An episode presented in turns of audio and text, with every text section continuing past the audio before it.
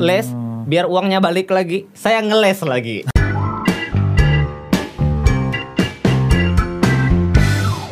Mas Tino, Iya. terima kasih ya udah hadir ya. Sama-sama. Aku mau nanya nih, kenapa sih Mas Tino itu kok bisa terkenal itu karena apa kira-kira?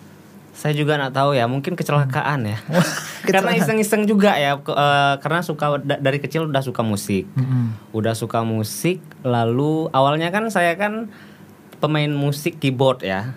Keyboardist. Waktu gitu ya. masih SMA ya, keyboard tunggal gitu ya. Jadi keyboardist. Jadi sering ikut waktu itu ikut kampanye, ngiring-ngiring hajatan gitu kan. Tahun tahun berapa itu? Itu tahun 2000 eh, 2010. 2010 lulus Nah. SMA. Itu SMP mau ke SMA. Oh, jadi lulus SMA-nya SMA-nya itu 2013. 2014. Oh, 14. 14. Saya pikir baru 2020 kemarin. Oh, enggak. dari dari dari wajahnya, dari posturnya gitu. Oh, kan. sudah biasa orang mengatakan seperti itu. Kadang, "Mas, SMA mana?" katanya. gitu. Oh, rupanya udah S loh ya. Berarti sama gitu. Iya. Aku juga gitu. Pernah dibilang itu ya. SMA mana? Oh, di Kodem. Aduh. Nah, jadi eh Tino Ame ya. Ya. Namanya Tino Ame. Itu terkenal sekali gitu loh. Bahkan penggemarnya itu sampai sudah puluhan ribu ya. Waduh. Itu terus saya juga pernah lihat ada jinglenya ya, jingle apa namanya? Pick 2 gitu. Oke. The Jakarta New City. Iya. Itu kok bisa ya? Emang di Jakarta sana kurang apa artis itu? Kok bisa sampai nyarinya ke sini itu gimana tuh ceritanya itu? Jadi awalnya sebenarnya kemarin tuh kita ikut kompetisi juga sih ya. Karena saya Oh. memang juga eh, selain nyanyi, saya kan memang juga fokus di cipta lagu. Oh. Dan penghasilan saya selama corona Mhm. ini saya targetkan adalah salah satunya mengikuti kontes lomba cipta lagu. Itu tapi kita targetnya yang taraf nasional. Oh, Jadi iya, kemarin iya. kita sempat menang juara tiga eh, itu di Bali, salah satu produk lah. Wah, itu kita juara tiga. Nah itu kemarin kalau yang untuk ini kita terpilih juga. Kalau itu tidak ada juara satu juara duanya, tapi termasuk dipilih menjadi salah satu jingle untuk suatu perumahan PIK 2 yang Keren terbesar lah di. Jakarta. Keren itu mas. Saya saya apa ya? Eh kok bisa ya dari ya maaf ini dari ujung dunia lah Ya, atau atau eh, the heart of Borneo ya kan jantungnya Kalimantan itu sehingga bisa sampai dipakai eh ulangi apa eh lagu ciptaannya itu dipakai untuk jinglenya perumahan ya. yang di Jakarta. ibu kota Ya. Jakarta gitu loh ya jadi luar biasa itu. Terus saya ini eh agak takjub itu ya. Atau ya takjub lah dengan di Sintang ini. Iya. begini eh saya sering atau apa namanya ya eh, ya sering menjumpai lah ya. Kok di sini tuh marak? Sanggar tari gitu lah. Sanggar tari atau sanggar apalah ya. Yang, yang jelas kesenian lah fokusnya di kesenian nah terus kemudian saya juga pernah menemui anak muda yang kemudian saya tanyai kenapa tidak kuliah tidak mau dia saya dorong untuk kuliah tidak mau dia lebih memilih untuk eh, masuk ke sanggar tari yang membuat saya takjub begini Mas Tino biasanya orang-orang muda anak-anak muda sekarang lah ya Mm. itu lebih lebih menyukai budaya ya budaya sana lah gitu kan. Ya. Lah di Sintang ini saya temui anak-anak mudanya itu sangat bangga dengan eh, budayanya sendiri ya utamanya Dayak lah yang menjadi ikonnya Kalimantan kan Dayak lah. Nah itu itu yang saya membuat apa takjub gitu ya. Kira-kira apakah memang semuanya anak-anak muda di sini itu seperti itu atau bagaimana itu? Kalau untuk maraknya sih ya untuk anak-anak muda sini ya lumayan mencintai ya. Iya itu, Karena itu juga jarang jarang saya temui di daerah lain. Ya karena juga saya ngerasakan yang membuat karya gitu ya. Karya saya juga diterima baik gitu. Ber- uh, Berarti anak-anak muda ini mendengarkan. Heeh, itu kan mencintai karyanya, beker karya, karya saya kan. Iya, Jadi ya kalau saya merasakan di sini juga untuk pasar lagu-lagu daerah masih sangat diterima. Nah itu makanya saya terima. saya takjubnya di situ karena di lain tempat yang pernah saya apa eh, saya pernah dinas eh, saya sudah ke mana-mana lah dinas ya mulai dari Lampung kemudian Gorontalo eh, Jakarta terakhir di Jawa Tengah nah baru ke sini itu ya apa ya hampir mungkin katakanlah hampir semuanya anak-anak muda itu cenderungnya ke sana ke budaya sana. Nah di sini enggak gitu. Nah terus kemudian tadi sampai apalagi sampai dipakai oleh eh, salah satu perumahan perumahan elit itu loh ya, perumahan elit di Jakarta eh, lagu ciptanya sampean itu ya, Ya. dipakai di sana itu apa ya? Memang akhirnya menguatkan saya bahwa orang itu fokusnya adalah di kualitas. Ketika memang kita punya kualitas, ya apa ya? eh, semesta itu senantiasa jujur lah ya, senantiasa jujur mengabarkan fakta. Ya faktanya berkualitas, ya akan disukai kan gitu. Oke lah. Nah terus sekarang, oke lah tadi kegiatannya ikut apa namanya kompetisi-kompetisi ya. Ya, kompetisi. Yang terakhir apa tadi kompetisinya?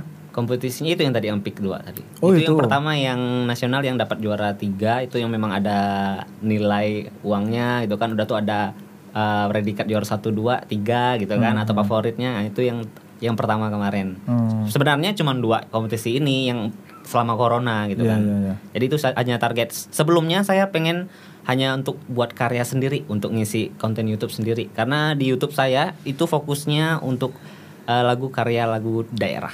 Lagu daerah. ya? Lagu Sudah sudah berapa subscribernya? Eh 112 112 ribu, ya. Ya. Ngeri sekali. Ya. Eh? Udah Hah? dapat Oh, silver gitu. Ki- Kita baru 200.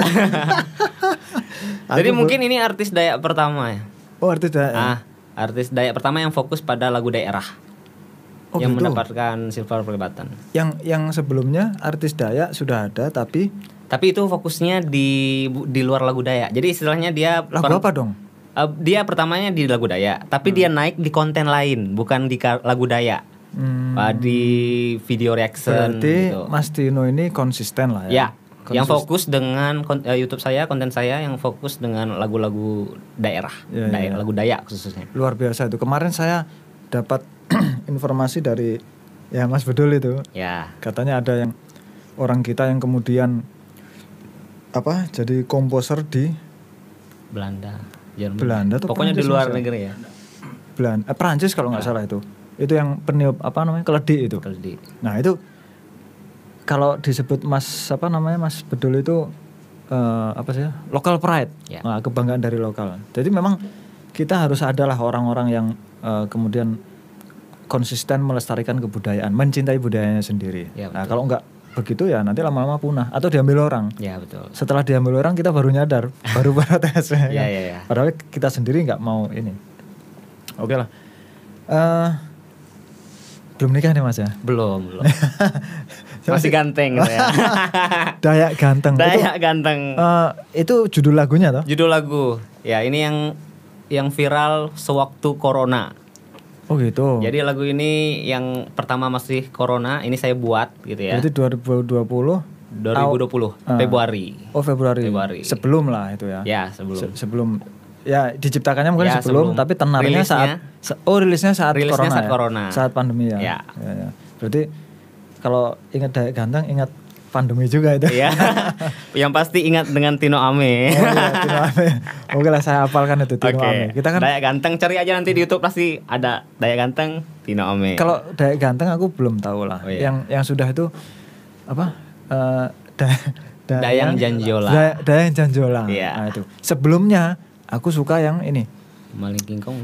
eh bukan yang nggak tahu mungkin bukan ciptaan sampean. Oh, iya, iya, kan? Adalah lupa aku na- judulnya. Aku seneng lagunya itu. Nah, terus kemudian direkomendasikan Mas Eka ada yang Janjole. Eh Ja- Janjola. Janjola. Ya. Aku dengarkan, oh enak juga rupanya. Ya. Ada yang ganteng aku belum dengar. Oh gitu ya. Ini- Harus dengar nanti. Oh, iya. Kaosnya bikin sendiri kayaknya. ini ya ini kita desainnya sendiri cuman kita mesannya kita dengan teman yang ada di Pontianak. Oh, Mas Tino berarti desain sendiri Desain ya? sendiri. Bukan bukan punya anu apa rumah produksi sendiri bukan Oh ya? bukan, bukan. Kalau produksi kita cuma di audio. Kalau ngurus semua kayaknya enggak mampu deh, Pak. aku aku juga pakai ini anu apa namanya desain sendiri Desain sendiri ya. orangnya maksudnya Oh. Eh, apa namanya Eh, sintang simpu simpu sintang empuk kaos Sintang Nah, mas bedul kaos, itu oke lah Eh, saya pengen nanya lagi tentang pendidikan boleh ya Pendidikan boleh, boleh. Nah, terakhir pendidikan apa mas Saya sekarang lagi menempuh pendidikan S2 sih. Oh. ilmu pemerintahan. S1 saya pemer- ilmu pemerintahan, S2 saya juga sekarang Kayaknya- tahun ini selesai saya. Enggak, kayaknya enggak pantas deh. Jadi, Oh gitu ya. jadi, jadi Banyak yang ngira saya juga Bang kuliah di kampus musik mana katanya gitu kan. Oh gitu. Oh, mereka nggak tahu S1 apa, saya apa S1-nya apa tadi? ilmu pemerintahan. Oh, SIP. ya? SIP. Heeh. Terus i- S2 -nya sekarang juga sama. Oh gitu, MIP MAP, lanjut. MIP ya. Ya. ya. Menjadi bupati ya. Oh. udah udah ini udah punya modal apa namanya? Eh, Saya sudah kampanye duluan lewat lagu. Iya kok. makanya. Jadi sudah itulah memuluskan itu. Iya. Itu itu apa sih namanya tadi itu ya? Investasi sosial. Iya, betul. Nah, jadi mungkin itu akan meringankan kos yang lainnya. Betul. Itu. Setidaknya udah udah ada nama lah Nah, orang jadi tahu. jadi eh, sudah berapa lama S2-nya ditempuh? S2-nya ini dua tahun ini. Tapi tahun ini selesai. Ini sekarang Oh, gitu. lagi nyusun tesis. Oh gitu. Ya. Waduh, jadi aku jadi minder nih. Waduh, jangan Pak, jangan. Masih Nggak. belajar juga nih, Pak. Ya enggak, aku soalnya belum bukan sarjana. jadi ah ya itu Mas. Kuliahnya di mana? Saya di Jogja. Di Jogja. Ya, saya di Jogja. Di mana? Universitas mana? Di STPMD APMD Yogyakarta. Oh. Itu. Berarti S, apa S1-nya juga di sana? Eh satunya juga di sana. Berarti bisa ngomong Jawa ya? Aduh, itu itu dia masalahnya. Lah, sudah bertahun-tahun di sana? Jogja, saya juga berkaryanya sibuk malah berkarya di sana saya di Jog- di Jogja. saya Tapi tetap- memanfaatkan di sana rumah produksinya, tempat syutingnya yang oke Oh, kan. gitu. Jadi ndak eh, gimana ya? Paling bergaul pada waktu KKN. Iya iya iya iya. Jadi saya lebih fokus ke karya gitu ya. Karya, belajar musik, ngajar musik, kuliah. tapi enggak enggak terganggu tuh kuliahnya. Enggak. Saya ya kemarin selesai tiga setengah tahun. Ya karena dinikmati lah ya. Ya kalau saya kalau di Jogja kan memang utamanya kuliah. Memang Ya, artinya- utamanya kuliah dan yang keduanya baru musik. Ya artinya dua-duanya berjalan seiring itu Yes. karena memang dua-duanya dinikmati kan. Ya, benar. Sesuai dengan minat kita lah ya. Betul. Nah saya mau nanya, sampean konsisten di apa musik Dayak ya? Yang tadi ada artis Dayak awalnya eh, apa musik Dayak terus kemudian beralih. Lah sampean ini sampai sekarang masih konsisten. Saya pengen nanya urgensinya apa sih? Sebenarnya dari hobi juga deh, dari hobi mus- musik. Lalu yang kedua ini berkaitan dengan eh, pada waktu itu ya, pada zaman saya masih SMA, lagu-lagu Dayak itu semakin turun. Pada waktu itu, Semakin turun. semakin turun lagu-lagu baru. Pada waktu itu ya tahun 2000 2012 sekitar itu 12 2012 ma- eh, artis-artis Dayaknya berkurang. Karena saya ini pecinta lagu-lagu Dayak pada zaman jadul-jadulnya dulu. Dari saya kecil saya udah dengar. Nah 2012 lalu 2013 14 itu udah mulai naik lagi. Hmm. nah di situ saya juga eh, pengen ikut ambil andil dalam menciptakan lagu-lagu daerah. kalau tadi sampean kuliah di Jogja, Ya. Bener lah yang saya sampaikan tadi kan bahwa di daerah lain itu anak mudanya lebih cenderung ke ya yang sana itu kan. Ya. Nah, jadi eh, saya pengen lebih dalam. Eh, Kira-kira sebabnya apa itu kok orang sini terus kemudian anak-anak muda sini ya bisa mencintai itu kan kayaknya bagi saya itu aneh gitu loh. ya. Ya. Itu eh, apa namanya? luar biasa gitu. Kira-kira menurut sampean itu apa? Ada dinamika eh, yang khas di sini tuh apa? Kok bisa sampai seperti itu? Sebenarnya saya juga kurang tahu pastinya ya untuk ini ya. Kok kenapa? Karena gimana ya? Eh, ini kalau berkaitan dengan adat istiadat ya. Heeh. Kalau saya kalau kita ngomong tentang adat istiadat, misalkan kita kan kalau ada namanya gawai gitu ya. Heeh. Adanya gawai, biasanya ada namanya kita minum tuak gitu kan. Udah itu biasanya sambil kita minum ada musik-musik gitu kan biasanya. Nah, gawai Terus- ini kan terus- suatu event yang besar gitu kan. Kalau saya sendiri menganggap nih gawai ini kalau ada gawai Dayak, wah ini acara yang besar sekali gitu kan. Karena saya juga sering ikut ambil andil, ikut lomba misalnya di gawai Dayak gitu kan. Ada lombanya? Ada lomba. Kalau gawai Dayak tingkat tingkat kabupaten atau kecamatan biasanya atau provinsi biasanya ada lombanya. Itu dijadikan satu tempat begitu? Dijadikan satu tempat di rumah di rumah Radang, rumah Betang, di Pontianak misalnya kalau di Sintang waktu itu masih di eh, stadion gitu kan. Oh. Nah, itu. Iya, iya. Jadi, itu, jadi apa ya? Jadi panggung juga untuk anak muda mengekspresikan diri. Entah itu ikut lomba Oh, lagu iya, iya. daerah, entah itu bermain eh, alat-alat gimana ya anak? ya ya artinya karena memang budaya itu masih terlestarikan Ya, betul. sehingga ya anak-anak mudanya ya mau nggak mau sehari-hari atau dalam kehidupannya memang rutin menemui itu gitu kan. Ya. Jadi ya nggak secara nggak sadar sampai akhirnya ya cinta, Ya. kan. Cinta itu kan apa? Terus kalau kalau kata orang Jawa tersno jalanan soko kulino kan. Oh ya apa artinya itu? Apa? Sampai orang kuliah di Jogja gimana? itu dia masalahnya. Saya kuliah di Jogja eh, jarang bergaul gitu. Walaupun Nah. sebenarnya jarang bergaul maksudnya enggak terlalu dalam dengan teman-teman Nah, yang itu enggak, gini. merata lah. Tersno jalanan soko kulino itu cinta itu tumbuh karena kebiasaan terbiasa. Oh, oh, iya. gitu. Jadi ketika terbiasa menjumpai itu tadi Hmm. ya budaya itu akhirnya ya cinta kan gitu. Ya. Sejak dari lahir mungkin sudah sudah dikenalkan budaya itu terus sepanjang hidupnya kan se- setiap tahun ada toh. Ya. Nah sayangnya saya sepanjang tahun 2020 nggak ketemu barang itu. Iya, Jadi aku nggak tahu. Iya benar. Nah itulah kira-kira. Berarti sebetulnya itulah jawabannya. Kalau menurut saya nih. Ya. Nah, apalagi nih mas? Hmm? Bingung juga. ya itulah. Ya, ngapa ngapa masih tetap milih ke Dayak gitu tidak mau coba ke bahasa Indonesia gitu Bahasa Indonesia. ya lagu-lagu yang berbahasa Indonesia Nah kenapa itu mas? Sebenarnya sih pengennya Hmm. jadi art- artis pop Indonesia sebenarnya. Oh gitu. Ya tapi karena saya menyadari untuk pasar pop Indonesia ini banyak sekali saingannya, banyak suara yang lebih bagus daripada saya, kemasan musiknya lebih bagus daripada saya gitu kan. Hmm. Saya merasa pada waktu itu kan, ya udah saya ini saya tahu nih, kayaknya kalau eh, menciptakan lagu daerah ini bakalan naik nih nama saya. Saya dah punya firasat seperti itu. Makanya pada waktu saya buatlah lagu yang yang saya buat judulnya dulu Bujang Kanyi atau Genit gitu kan Hmm. ini pasti meledak nih. Ya ter- terbukti sampai sekarang lagunya tembus sampai ke Dayak Malaysia. Oh gitu. Itu. Lalu yang kedua lagu Akaidai meledak juga di tahun 2014 pada waktu saya masih kuliah. Libur kuliah saya produksi. Ah, itu Di- yang mengangkat itu nama saya. Di Jogja berarti ya? buat itu saya di Jogja, tap, eh, saya buat lagunya di Jogja. Produksinya di Kalimantan. Oh gitu. Pada waktu libur semester Hmm, hmm. itu. Ada alat musik tradisional juga tuh ya? Ah, itu kemarin waktu buat lagu Akaidai masih pakai keyboard semua sih.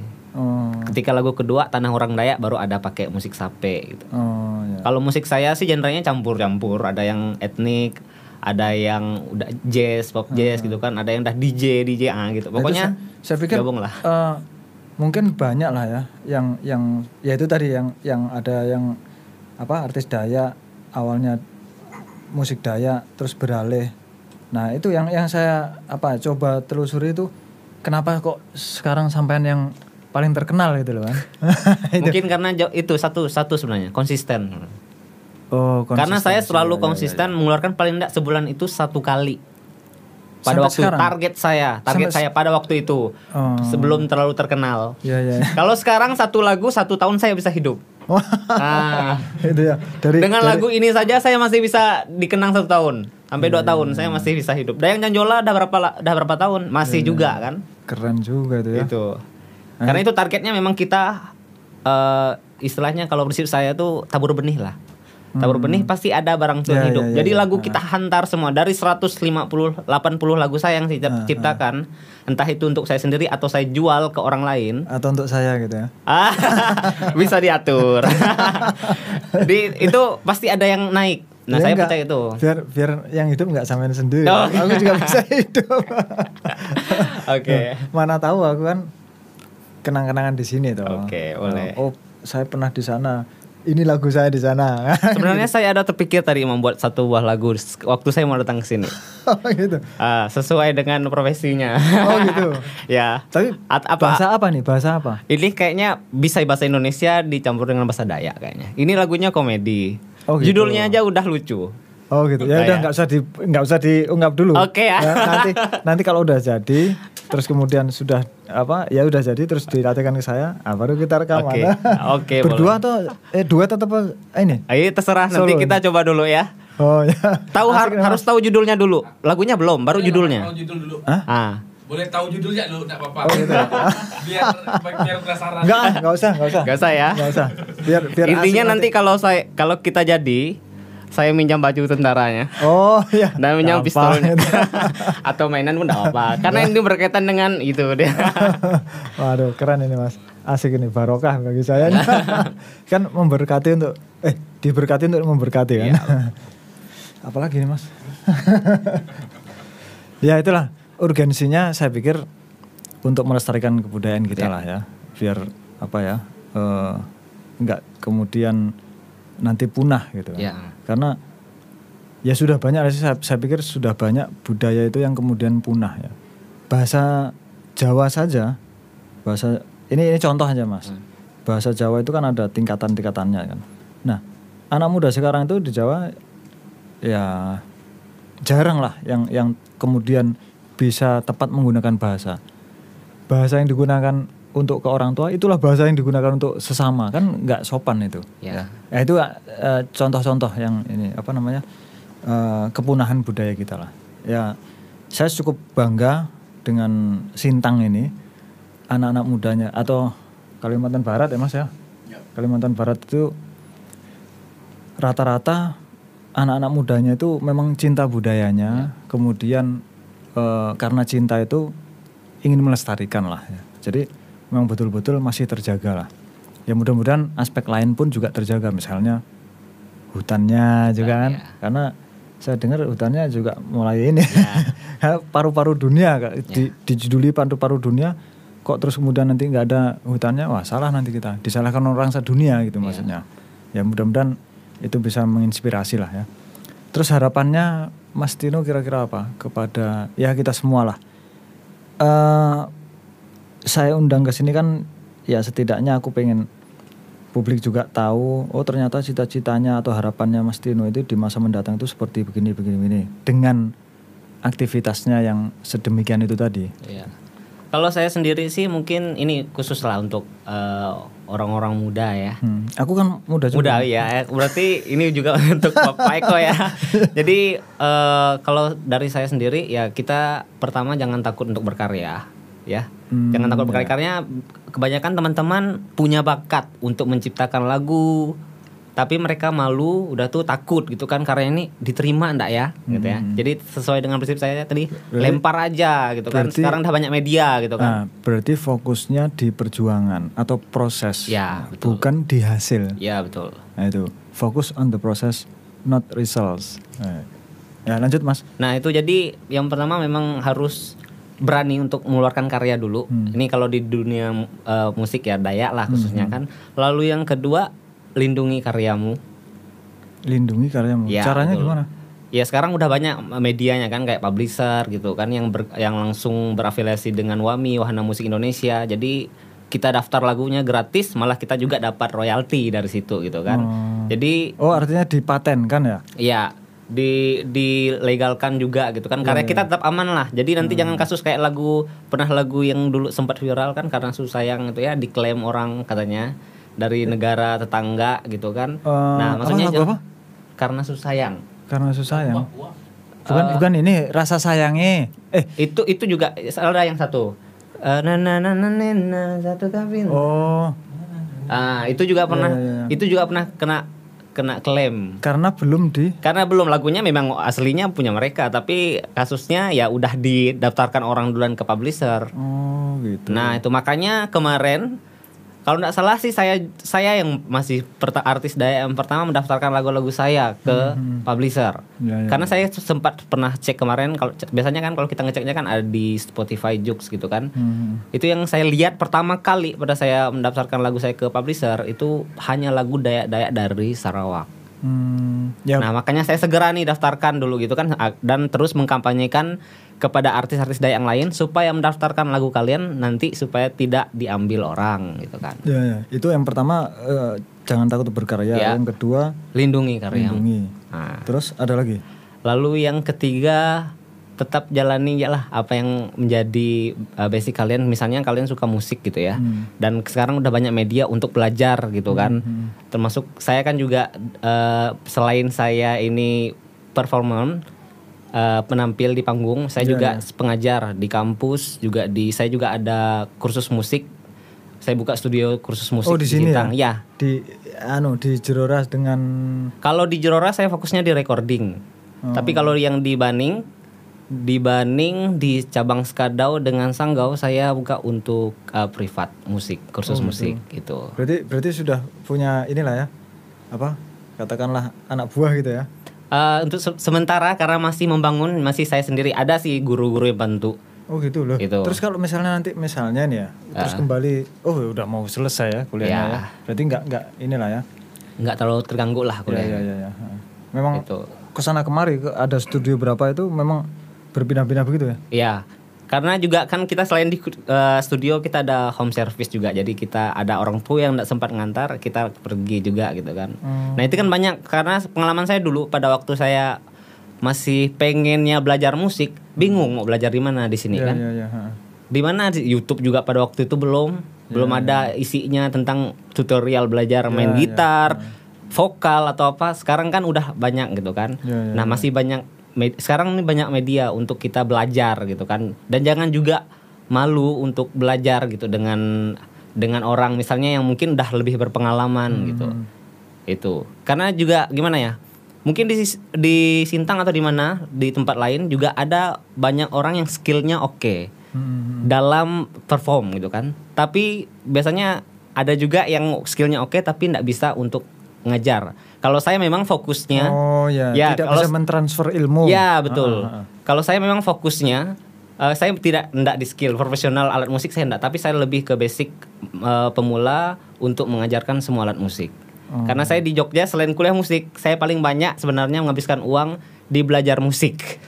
Oh gitu. Jadi saya eh, hampir 20 sekolah musik, tempat musik saya belajar di Jogja. Jadi setelah pulang kuliah saya pasti les. Les biar uangnya balik lagi, saya ngeles lagi. ya, gitu jadinya. Saya ngeles lagi. keren juga ini. ya. Ya, balikan uang tuh. Ini aku baru nemu yang kayak gini nih. Ya, itu saya juga otak bisnisnya ini kuat. Jadi ikut les ya, sambil ngelesi juga. Ya, Jadi betul. apa ilmunya dapat, dapat. uangnya pun balik kan Ya, gitu. betul. Ngeles bayar satu, nanti Ah. anak muridnya lima. Ah, Ya, malah itu. untung. Betul. Jadi dapat ilmu, ya dapat untung juga. ya itu dia. Keren juga nih. Ah. Itu apa namanya? Ayo tak bisnis. Ya betul, karena saya memang fokusnya memang sekarang udah lebih ke bisnis musik ya. Hmm. Karena salah satu fungsi musik itu kan juga untuk berbisnis Ya, sebenarnya. ya, ya, ya. Nah, jadi saya memanfaatkan saya juga juga eh, kalau misalnya saya tampil, saya dibayar, saya ingin YouTube, saya dibayar, publisher juga saya dibayar gitu kan. Ya, ya, ya. Nah, lalu eh, selanjutnya yang kayak kursus musik, ada tuh ngajar di kampus gitu kan. Kita dibayar juga gitu. Pemasukannya di mana-mana. Keren juga. Nah, itu. Ah, terus gini mas, sama kan sudah sedemikian itu ya kan? Ini sudah mau master ya, Yes. kemudian di apa kesenian juga sudah sedemikian ya. Kemudian apa nah yang tadi itu investasi sosial juga sudah sedemikian. Kira-kira apa nih yang ya pastilah saya yakin ada ada ada sebuah Ya. apa di jauh di depan sana itu apa gitu yang yang ingin dicapai gitu. Eh, khususnya untuk Sintang, umumnya untuk negara Indonesia lah. Gitu. Kalau saya sendiri ya, Mm-mm. kalau sekarang sih masih pengennya em, memperbanyak bank-bank lagu Dayak lah untuk sekarang, untuk sekarang. Ya Jadi enggak artinya kan masa sampean nggak punya lah yang jangka panjang. Itu kan jangka pendek tuh. ya, Nah, jangka misalnya ada jangka menengah, ada jangka panjang. Yang jangka panjangnya itu apa kira-kira? sebenarnya lagu ini juga untuk jangka panjang sih, gitu kan. Yang kan mana? Lagu-lagu ini, saya jadi mau nabung ini lagu-lagu ya, tapi itu kan lagu-lagu saya. itu kan fokusnya sampean sendiri. Ya. Enggak maksudnya untuk yang umum lah, untuk orang banyak lah. Ya paling sekarang ini berbagi ilmu musik Oh, untuk gitu. sementara. Kalau di ilmu pemerintahan Mm-mm. sebenarnya sempat ada kepikiran gitu kan. Tapi karena saya ini sering juga Kepikirannya apa? kepikiran pengen jadi orang nomor iya pit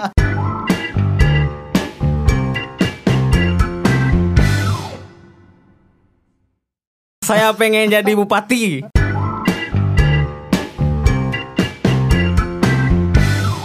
gitu kan atau jadi anggota tit nah gitu kan ada kepikiran dan pernah ikut masuk partai kan tapi eh, kayaknya lebih enak juga sementara ini ya sementara ini sementara ini moodnya di situ dulu. Ah, di situ ya. dulu. Entah nanti Ah. mungkin lima tahun ke depan ke mana ya, lagi. setidaknya gitu dengan ilmu saya saya sudah udah menabung ini tadi ya.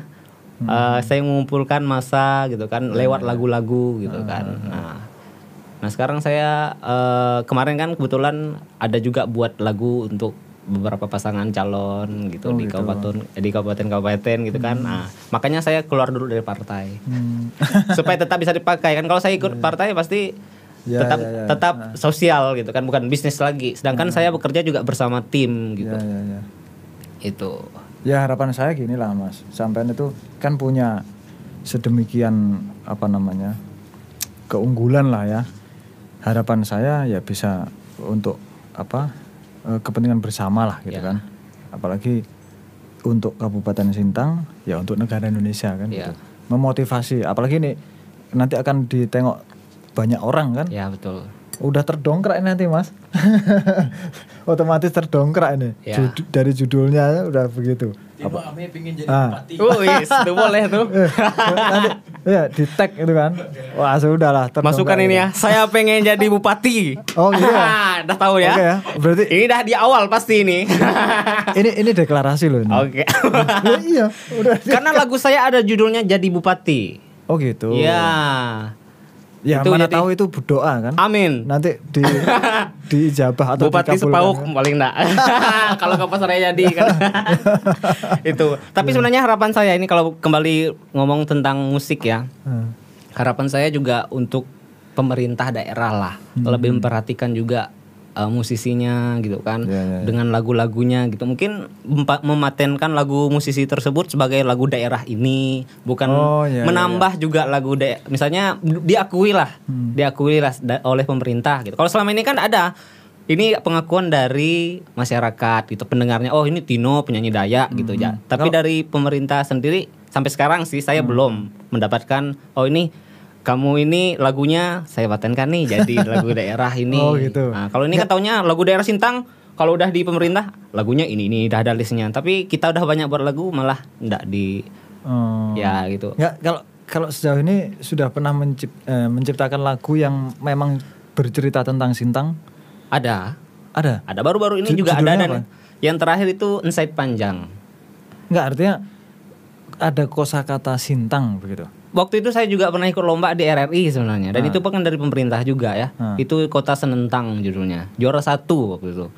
Jadi se- sekarang juga nggak dirilis. Makanya saya sempat eh, saya selalu kecewa kalau udah Oh, Tidak berurusan dirilis oleh oleh oleh yang tadi mengadakan lomba katanya Tapi kan. sampean kan ngerilis toh? Enggak, enggak saya rilis. Oh gitu. Itu enggak saya rilis. Nah, makanya saya sampai sekarang enggak pernah berharap enggak berharap dari siapa pun. Saya kalau Hmm. apa biayai sendiri semua. Enggak itu enggak dirilis sendiri kenapa? Yang lagu itu ya, itu udah kelamaan nunggu. Oh gitu. Itu juga udah bukan udah bukan istilahnya kalau lagu ini kan ada eranya sendiri lah gitu. Oh iya iya. udah iya, bukan zamannya lagi kalau kita rilis pun kayaknya dah Udah dah basi. gitu. Ah. Iya, nah iya, ini kan saya udah ada rilis yang juga sebenarnya Inside Panjang merupakan ikon Sintang kan dah harus ada kata Sintangnya kan. Iya, iya. Ada sebenarnya kata Sintang dekat Bukit Kelam. Nah, itu ada. Enggak soalnya gini. Ini pengalaman saya sendiri kan. Ya. Begitu saya dapat apa perintah untuk datang ke sini, saya saya nggak tahu Sintang di mana Sintang itu. gitu.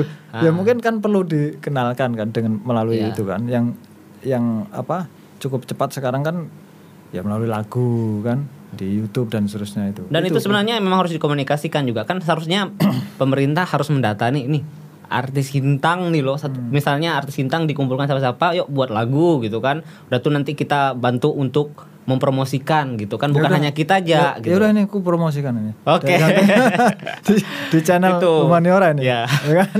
Jadi sebenarnya harus lebih lebih juga maksudnya pemerintah juga harus bisa lebih apa ya melihat nih siapa sih gitu kan? Udah tuh punya kemampuan apa sih dia gitu? Diajak kerja sama apa gitu kan? Misalnya Mas Eka punya eh, bakat di sound engineer gitu kan? Diajak kerja sama juga. Seperti ini kan udah membantu gitu kan? Udah tuh ada yang eh, buat lagu bisa buat lagu buat musik. Nah kalau selama ini kan saya sendiri Ya, musik. ya, ya. musik kadang saya buat sendiri lagu sendiri. Dirilis sendiri. Rilis, rilis sendiri juga gitu kan? Ya udahlah nanti mana tahu dengan kita dengan kita dengan masyarakat mungkin adalah gitu apa Ya kerjasama lah mas ya. Saya kan tiga kali pak, Hah? tiga kali ya. Tiga Oke. kali apa? Collab musik. Oh gitu. Eh, apa? mem- mem- Dengan sampean ya? musik Ya kerjasama. Oh. Ah. Enggak, yang dengan saya. Oh ya nanti bisa dibicarakan lah itu. Yang dengan Itu. saya kan biar Hmm. biar ada kalau sama Mas Eka kan apa ya eh, ya sampean itu kan se se setipe lah ya. nah aku sekarang kan sebagai lembaga lah atau nah itu mungkin bisa lah di, di apa Ya. namanya dikolaborasikan kan. Hmm. Mana tahu nanti terus kemudian ya lebih lebih ini lagi lah ya Ya. menguntungkan bagi semua pihak lah. Kira-kira begitulah. Ya, Mas. semoga didengarkan lah nanti. Soalnya saya udah sering juga menyampaikan ini kepada uh, anggota-anggota dewan dengan pemerintah langsung. Itu saya pernah nyampaikan atau dengan misalnya yang memang bergeraknya di bidang itu sebenarnya me- Oh, menaungi iya, iya, itu. iya. Saya Ah, bilang ah. cobalah buat kayak di Sarawak itu kan ada apresiasi. Misalnya tahun ini pencipta lagu Dayak terbaik, penyanyi solo terbaik, ya award Enggak, sendiri aku- lah di sini. Aku kalau seandainya nggak pandemi aja, pengen ku buat lomba itu. Nah, Misalnya festival di lapangan di situ kan, festival musik Dayak misalnya. Iya. Aku mau itu. Kalau memang ini kan, tapi kan pandemi kan mas, Iya. nggak bisa. Mas Eka mau nanya ya? Kan ada eh, kalau lagu Jawa kan campur sarinya bisa menasional ya. Hah. Papua Timur itu asal keluar lagu kan menasional juga. Oh iya, ha, Batak mungkin adalah beberapa. ya. Dayak tuh bisa nggak sih menasional kira-kira? Nah, gimana tuh mas? Nah itu sebenarnya tujuan saya itu salah satu yang pengen saya makanya saya masih pengen memperbanyak lagu-lagu daerah tadi. Terus apa yang bisa aku bantu nih? Ya Doa, doa. doa juga perlu ya doa perlu gitu kan Ya, di share share. kan mudah-mudahan.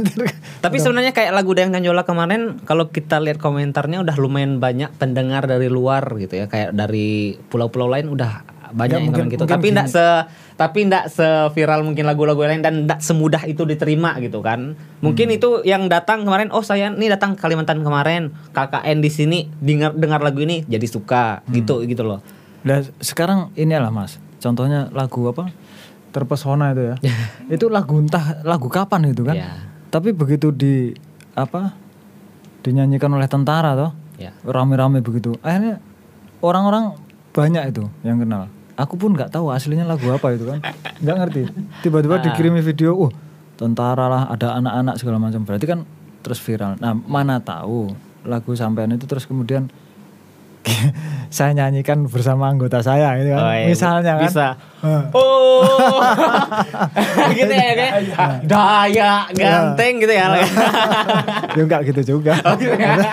Nggak maksudnya yang yang Oh, gitu yang ya? asik ditengok itu kan. Oke. Mana tahu nanti terus eh, jadi viral. Ini juga berkait mungkin eh, pembahasan tentang investasi karya juga. Makanya saya juga ndak ndak gimana ya ndak ambil pusing ketika lagu saya tidak naik. Karena saya masih punya pengharapan kalau lagu saya nak naik ini mungkin suatu saat akan naik. Oh, Karena banyak kejadian yang seperti itu. Oh, jadi jadi eh, apa viralnya tuh setelah sekian lama. Ah, sekian gitu ya. lama. Baru eh, karena ditengok orang lagi terus di ini ya. Ya, naik makanya gitu. saya investasi karya sampai sekarang. Hmm, iya, gitu. iya. Istilahnya nebar nebar jaring lah ya. Ya, betul. Mana tahu dapat ikan. Ya, betul. itu. Mas, aku mau nanya lagi nih. Eh, aku kan bikin studio nih. Ya. Kira-kira menurut kacamata sampean sebagai musisi lah ya. Eh, gimana prospeknya? Oke. Aku membuat studio ini. Kalau menurut kacamata saya ya, kacamata Enggak, saya yang bolong ini. ini bolong. Saya suruh cabut ini tadi. Karena tahu karena biasa kebiasaan syuting kan, ini ada lampu nih kalau pakai ada yang kaca harus dibuka. Oh gitu. Nah, itu. Jadi kalau di kamera nanti dia berkilauan. Mata saya sudah berkilau soalnya. Ya, ya, aku, aku baru tahu ini ternyata kacamatanya nggak ada Iya, kacanya. ini enggak ada. Enggak ada kacanya. Oke lah. Eh itu ya. Saya buat studio ini kan sebetulnya untuk anggota saya. Ya. Ya. Biar dia apa namanya ya? eh, adalah norma di kami itu pembinaan kesejahteraan moral, Mas. ya. Jadi kenapa sih kok kesejahteraan moralnya itu harus dibina? Awak organisasi itu harus dibina kesejahteraan moralnya agar terpelihara tetap tinggi moralnya.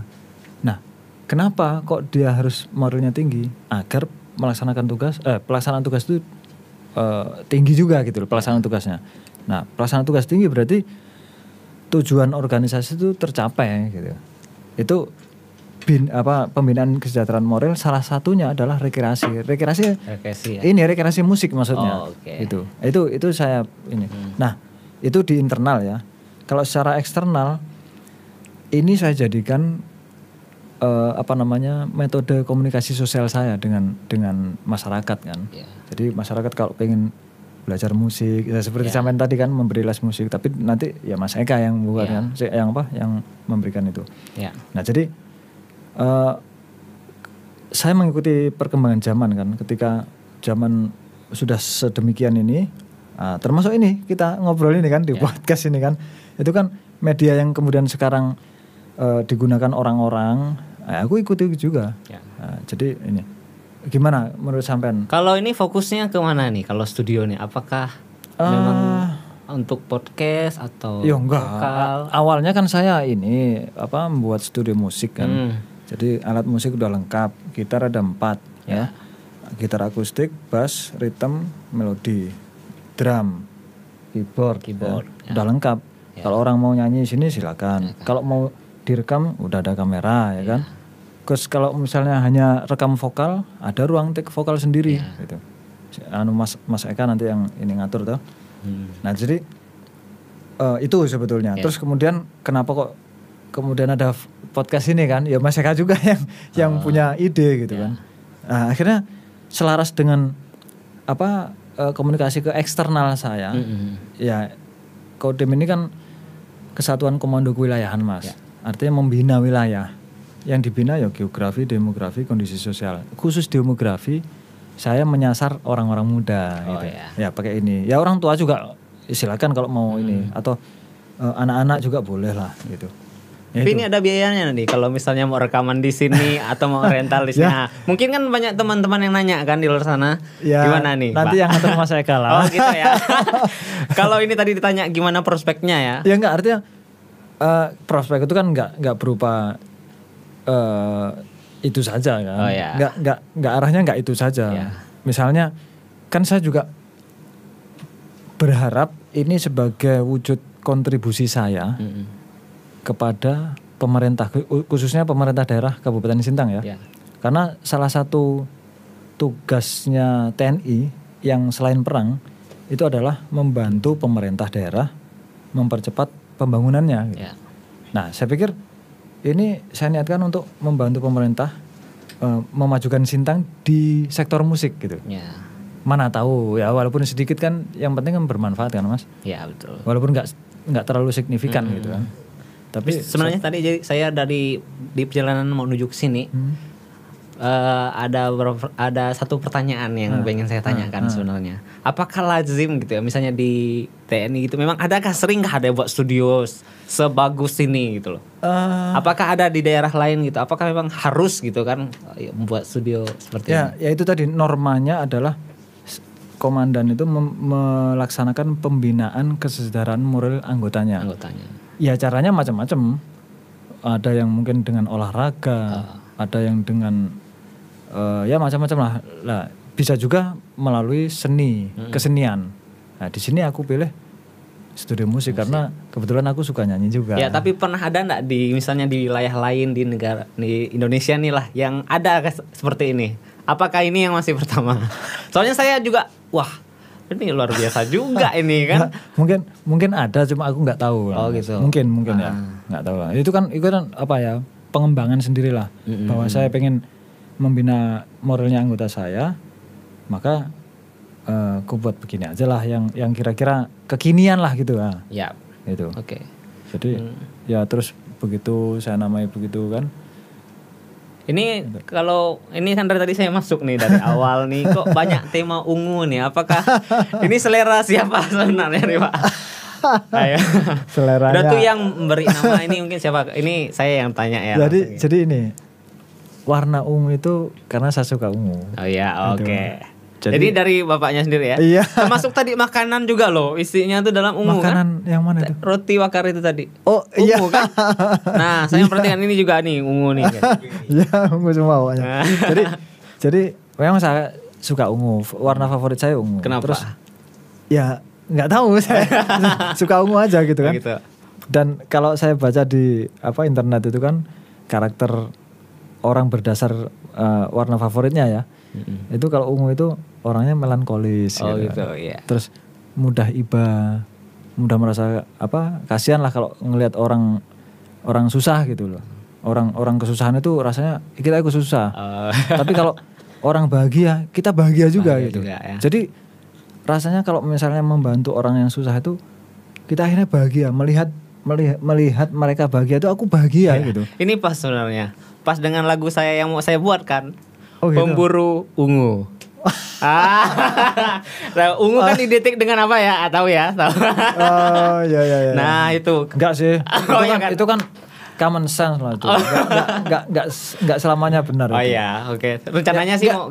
yang itu- jelas itu tadi karakter ungu itu orangnya melankolis, Oh, iya. mudah iba, terus kemudian apa eh, menyukai apa kemewahan, Oh, iya. gitu kan? Itu. Oke. Nah kalau kalau humaniora itu, jadi begini mas, ya mungkin mungkin berangkat juga dari eh, karakter orang penyuka ungu ya. Mm. Humaniora itu kan ilmu budaya yang kemudian eh, bagaimana caranya eh, untuk menjadikan manusia itu lebih berbudaya, gitu. Atau singkatnya kalau menurut saya ya, memanusiakan manusia. Jadi kita harus jadi manusia yang selalu memanusiakan manusia dengan kemanusiaan, itu. Jadi walaupun ya katakanlah aku tentara toh, tapi tentara manusia juga, gitu kan. Jadi ketika eh, ada mas apa diwadahi dalam dalam apa namanya undang-undang ya konvensi Jenewa itu eh, ketika mendapatkan tawanan perang pun itu tidak boleh diperlakukan semena-mena nggak boleh. Juga harus diperlakukan secara manusiawi gitu perang pun ada aturannya kenapa ya karena manusia kalau bukan manusia ya ya silakan mau nggak ada aturan juga nggak apa-apa tapi berhubung kita manusia maka diatur Ya. itu kira-kira latar belakang dari Lagi lagi ya. Humaniora Band and Studio Lagi Ya. pengen nanya nih saya nih. Oke, eh, nih tadi kan katanya Pak Eko ya. Pak Eko hobi musik ya tadi katanya. Hobi musik. Eh, hobi nyanyi Hobi sebenarnya. nyanyi ya lebih Kalau- tepatnya. kalau main musik aku nggak bisa Oh Mas. gitu. Oh ya. sama sekali nggak bisa aku main musik Kalau kalau nyanyi biasanya lebih ke genre apa? sebetulnya mas ya sebetulnya saya itu dulu awalnya berangkat dari saya suka lagu dangdut Dangdut. ya sebetulnya Jadi- Artisnya siapa? Idolanya. aduh Artisnya siapa? artisnya yang idola saya itu yang salah satunya ya, salah satunya yang untuk kedua kalinya meninggalkan saya menikah yang baru nikah kemarin baru kemarin baru beberapa hari yang lalu yang lalu itu Ika Nurjana Wah. Iya iya iya. Yang lagunya terlena. ya Oke. uh, uh, aku lagunya Banyak banyak, ya? hafal karena memang dulu mengidolakan kan Ya, nah selain itu Roma Irama lah Roma ya. Irama. itu Tuh, itu legend lah. Saya juga suka Roma Ah, Irama. jadi kalau Roma Irama kan memang apa ya seninya itu tinggi lah gitu. Kadang mungkin bagi orang yang hanya sekedar mendengar lagu untuk sekedar menjoget apa, apa berjoget, ya ada lagunya Roma Irama yang yang kemudian nggak bisa dinikmati dengan joget itu nggak bisa. Hanya dinikmati bisa dengan eh, apa tengah malam, kemudian sambil memejamkan mata, Ya. Ah, pikiran melayang-layang ada yang begitu nah itu itu Roma Irama dan Iko Nurjana saya anu apa namanya eh idola saya lah ya. Terus berkembang berkembang akhirnya tapi saya juga selain dangdut itu suka lagu rock juga Rock juga ya. Heeh. Kalau Nah. rock siapa referensinya? lagu rock itu ya sebetulnya aku nih nggak tahu juga mas Oh aku ya, kalau tapi kalau suka dengar gitu ya. ya mana yang kira-kira aku dengar enak ya itu aku suka gitu Oh. Jadi rock itu misalnya aku ya suka Guns N' Roses, Oh ya. Metallica aku juga suka. Terus eh, apa namanya slow rock barat yang zaman dulu aku juga suka Aerosmith, eh, eh, Rolling Stone misalnya itu. Ya suka juga gitu. Terus kalau Indonesia mungkin power metal, Power metal. ya, yang keras-keras itu. Saya juga suka. Suka Kadang- juga? Kadang-kadang Oh. kadang-kadang suka gitu. Nah, terus Oke, oke. belakangan juga lagu pop, Pop. yang yang tapi pada dasarnya aku suka yang sahdu Syahdu ya. ya India pun aku banyak banyak nyanyi jadi aku videoku ini mas di HP ku tuh ada. Aku sedang nyanyi nirukan di YouTube itu direkam. Oh. Nah, jadi lagu Jawa, ada lagu Jawa, ada Batak pun aku juga. Batak juga, Ah, ya. Tapi ya itu yang sedih-sedih gitu, yang sadu-sadu itu. Oh, kan. gitu. Melankolis lah gitu kan. Oh ya. Jadi lagu Batak, lagu India yang yang mengalun-alun gitu kan, yang sedih gitu. Itu seneng aku terbawa emosi. Iya, nanti boleh dengarkan lagu-lagu saya yang sedih nanti. Nah, ya itu. Biar OTW menji- eh, suka dengan lagu Dayak yang yang melankolis. Karena lagu saya juga selain yang joget-joget, Ah, ah, ah. itu ada yang pop. Itu untuk eh, mengungkapkan isi hati sendiri sih biasanya. Oh, Kalau yang joget saya eh, targetnya untuk pasar, untuk dijual. Nah, itu. Oh gitu. Kalau yang tadi direncanakan untuk saya kan bukan untuk dipasarkan kan?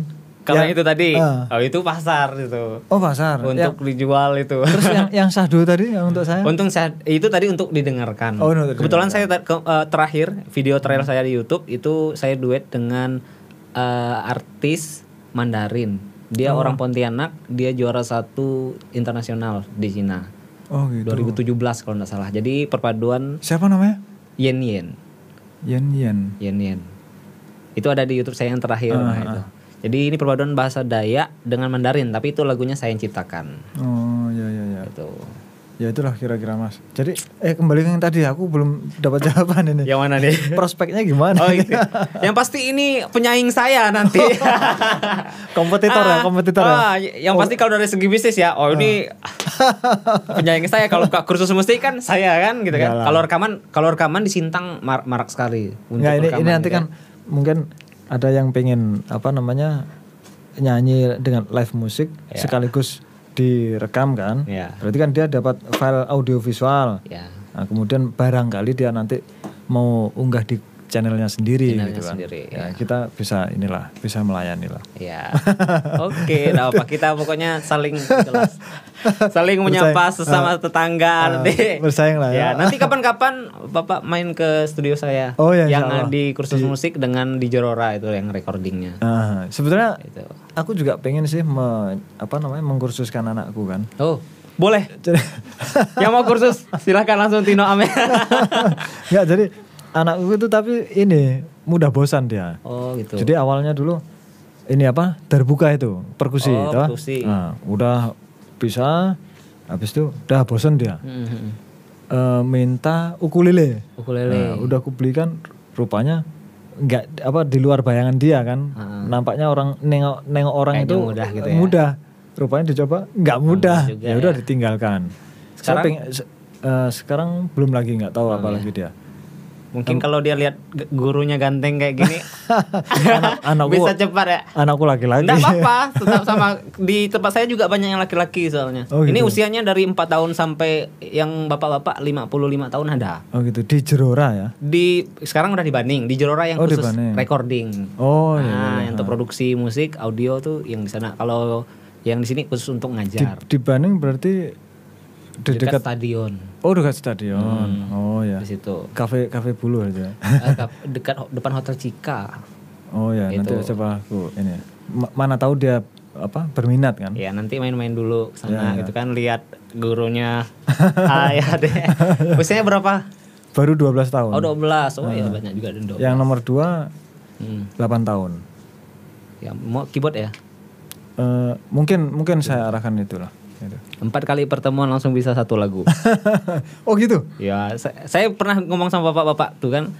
Bisa enggak nih? Kalau enggak enggak bisa, kalau enggak bisa saya bilang Empat, empat kali pertemuan Satu satu, lagu. pertem- satu pertemuan berapa durasinya? 45 menit sampai satu jam. Itu standar sih sekolah Oh. musik karena kita punya konsentrasi juga kan biasanya enggak bisa lama. Saya memanfaatkan waktu yang 15 menit pertama itu biasanya. Oh gitu. Untuk fokus Jadi jadi satu teknik-teknik. satu jam itu fokus penuh itu di 15 menit pertama. 15 menit pertama. Yang lainnya tuh kadang udah di awal betul, nanti di sisanya tuh udah banyak orang tua minta dua jam katanya bisa, tapi anaknya mampu atau enggak gitu. Oh, iya iya iya. Itu. Jadi saya memang tekniknya saya lebih eh, spesialisnya di pengajaran. Hmm. Lebih pengajaran. Makanya semua alat musik saya hajar semua gitu kan Ya, untuk ya, belajarnya. Masuk alat-alat DJ gitu saya sempat belajar. Saya yang eh, tiga sekolah musik yang mungkin punya nama lah di Indonesia gitu kan kayak sekolahnya sekolah musik Ahmad Dhani, Hmm, hmm. Datu Yofi Enuna, lalu Purwacaraka. Oh. Nah itu Purwacaraka itu yang yang Purwa- ini ya. yang biasa memimpin Ah, orkestra, ah, ah. konduktor gitu Keren kan. itu ya. Nah, kalau di di Ahmad Dhani saya ngambil vokal, Yofi Enuno saya voka- vokal juga, lalu yang di Purwacaraka ngambil piano klasik. Oh, itu berapa lama tuh di sana tuh?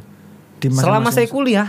Oh gitu. Jadi makanya sama semua alat musik saya tuh dapat semua kurikulum bukunya. Iya, Jadi tujuan saya sebenarnya mau ngambil bukunya juga sih. Oh, ah, karena buku musik itu susah dapat.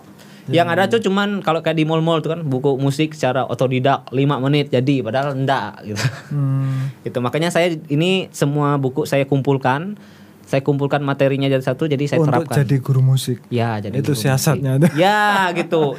Gitu. Jadi ada untuk mengembalikan modal lewat ngeles lagi gitu kan. Bukunya kita dapat gitu. Ilmunya pun dapat. Sertifikatnya juga dapat jadi Hmm. bisa lah untuk buka kursus Ya, gitu.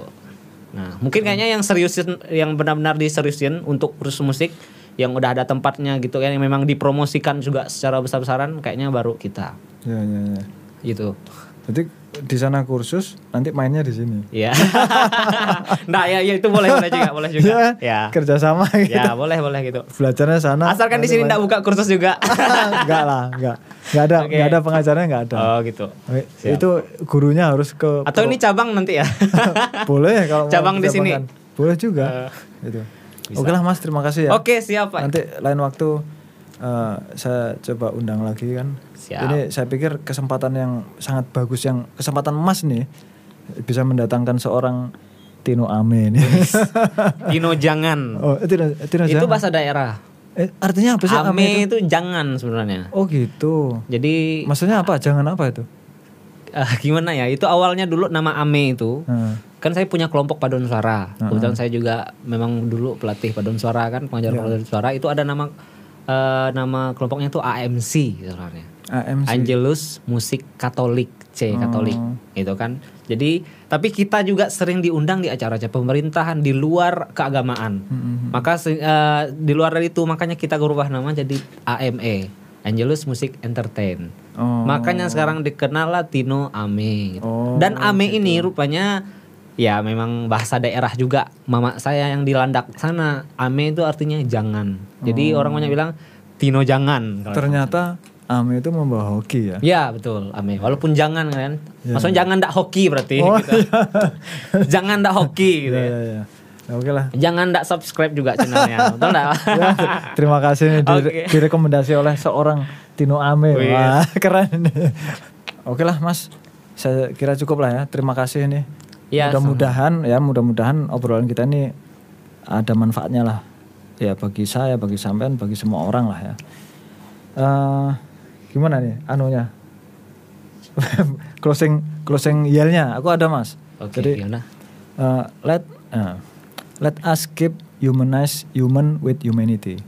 Nah, baru nanti kita sama-sama humaniora gitu. Humaniora. oke. Ah, aku aku dulu yang ngomong nanti Oke. baru terakhir kita humaniora. Siap. Let us keep humanize human with humanity. Humaniora. Daya ganteng.